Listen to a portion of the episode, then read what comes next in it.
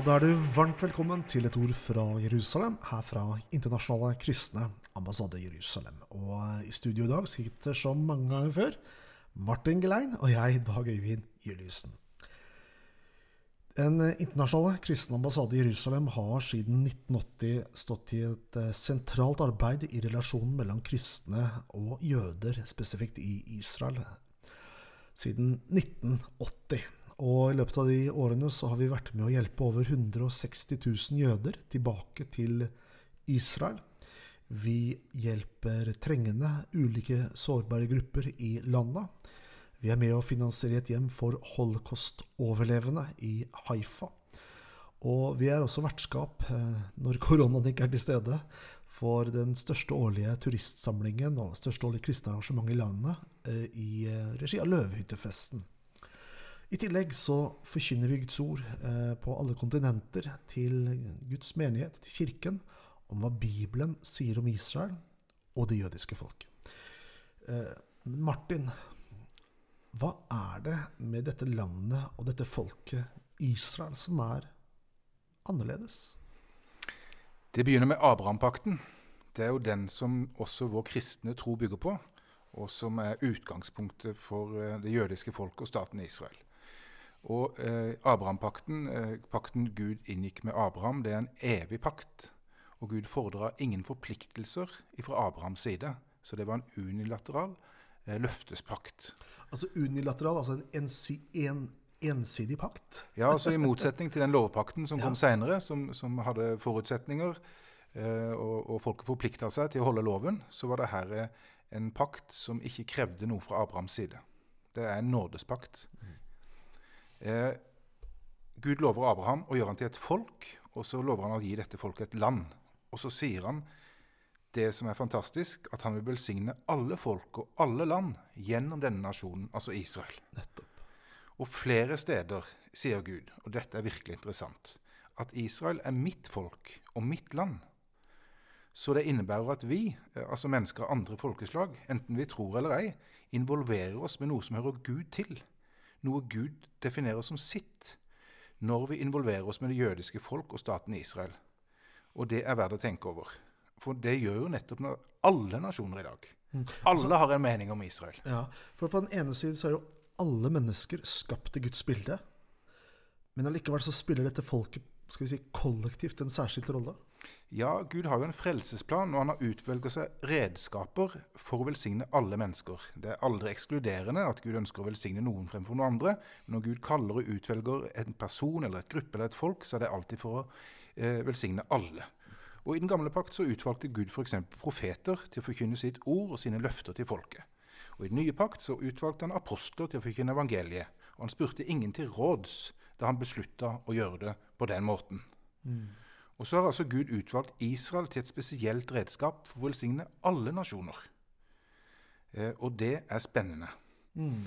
Og, og, og, og, så ser vi hvordan både eh, den romerske okkupasjonsmakten og de jødiske lederne gikk sammen om å forkaste og korsfeste Jesus.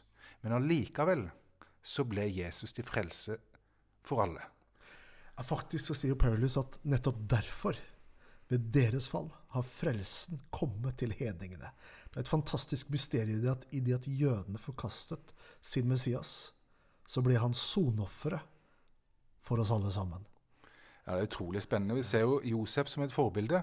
At de forkasta altså Josef i en brønn og løy til faren om at han var død, og solgte han som slave til Egypt. Allikevel så var det nettopp den ugjerningen de gjorde, som førte til at hele folket ble frelst fra hungersnød. Så Guds nåde er så stor vet du, at eh, det er bare å takke og bukke. Ja, det er akkurat det. Jeg syns det er et annet interessant perspektiv her. Jeg, jeg, det har hendt at jeg har møtt mennesker som gjør det jødiske til noe eksklusivt noe. Det er mm. nesten sånn at man skulle ønske man var en jøde sjøl. Det hender jeg møter blant noen, noen kristne. Eh, og så blir det noe eks eksklusivt og ekskluderende, for jeg er jo ikke jøde. Mens Guds tanke er jo akkurat det motsatte. For Gud sier til Abraham og til det jødiske folk i deg mm. skal alle familier, alle slekter på jordens på jorden bli velsignet. Så Guds tanke, Guds agenda med dette folket, er jo å inkludere menneskeheten i hans velsignelse. Ja, det er et uttrykk for Guds kjærlighet. Og Gud er kjærlighet, så han gjør egentlig ikke noe annet enn det som er drevet av kjærlighet. Veldig sant. Det er, vi skal snakke mer sammen, Martin, men først skal vi høre på musikk.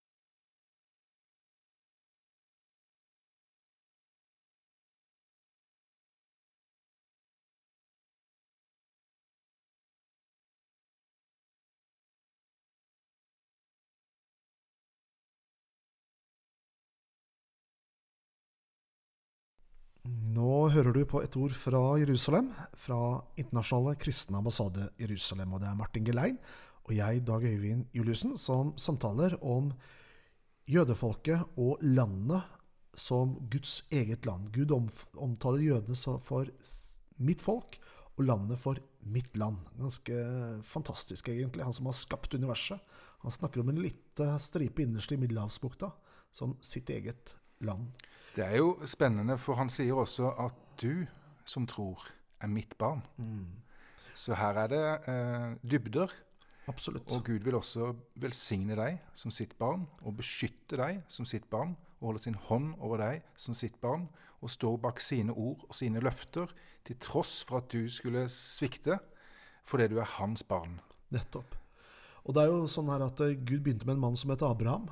Og Paulus sier i romerbrevet at han ble far både til de omskårne, altså til de jødiske folk, og til de uomskårne, altså de som tror. Og de som tror, er barna av Abraham, står det. Så det er på en måte en Guds familie. Et, uh, egentlig store, den store frelsesplanen vi snakker om her. Ja, Gud innbyr alle. Ja. Han gir nåde til alle, og nøkkelen er troen. Vi har et par minutter igjen her, to-tre minutter igjen her, eh, Martin. fordi eh, samtidig som Gud har masse løfter for dette folket, holdt sin hånd over dem, så opplever vi jo også i dag mye fiendskap mot uh, dette landet. Ja, Vi var inne på i forrige program hvordan uh, de uh, partiene, politiske partiene på venstresida i Norge og LO og Den norske kirke er tydelige kritikere av Israel. Og de jobber målretta systematisk for å få med seg alle, hele jordas regjeringer, fagbevegelser og kirker til å kritisere Israel for okkupasjon osv. Eh, og, og denne uka så gir Amnesty International ut en rapport som har skapt sterke reaksjoner i Israel. Og Amnesty oppfordrer alle land til å boikotte Israel, og ønsker at israelske ledere skal dømmes ved uavhengige domstoler, eh, domstoler for forbrytelser mot menneskeheten. Mm. Og Amnesty går så langt som å kreve at Israel skal opphøre å være en jødisk stat, noe som er helt uhørt. Det er som å kreve at Kina ikke lenger skal være kinesisk, eller at Norge ikke lenger skal være en, en, en norsk stat. Ja. Og, og, i lys av at Gud kaller det her folket sitt, og det landet sitt, så så faller det et alvor innover det her. Mm, det gjør det. Eh, vi får tenke at her, vi må være med å be for disse det som vi nå er vitne til, akkurat det du beskriver her. Og jeg tenker at vi som kristen kirke ikke skal være tause tilskuere, men at vi kan si ifra. At vi kan være en røst i samfunnet som kan være med å gjøre en forskjell. Og ikke minst at vi kan være som forbedrere gå i forbønn for ikke bare Israel, men også vår, eget, vår egen regjering. Gå i forbønn for LO. Eh, og disse, disse, utspillene som vi ser som, som, kommer nå. Og her er jo Jesus Midt i vanskelighetene så er, har jo han alltid en vei. Ja, det står jo det i Jesaja 53 at vi får alle vil som får. Eh, så det er jo ikke forskjell på oss som er kristne og tror på Bibelen og støtter Israel, og folk som ikke er det.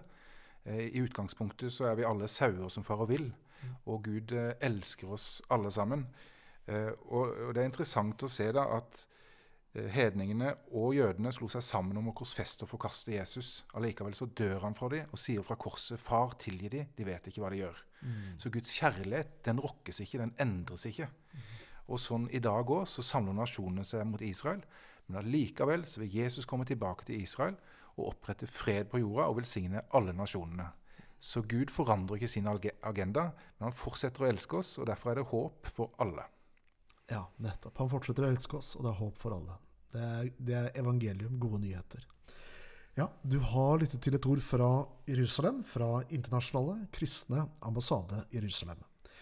Eh, I studio i dag satt Martin Gelein og jeg, Dag Øyvind Juliussen. Takk for følget, og Gud velsigne deg.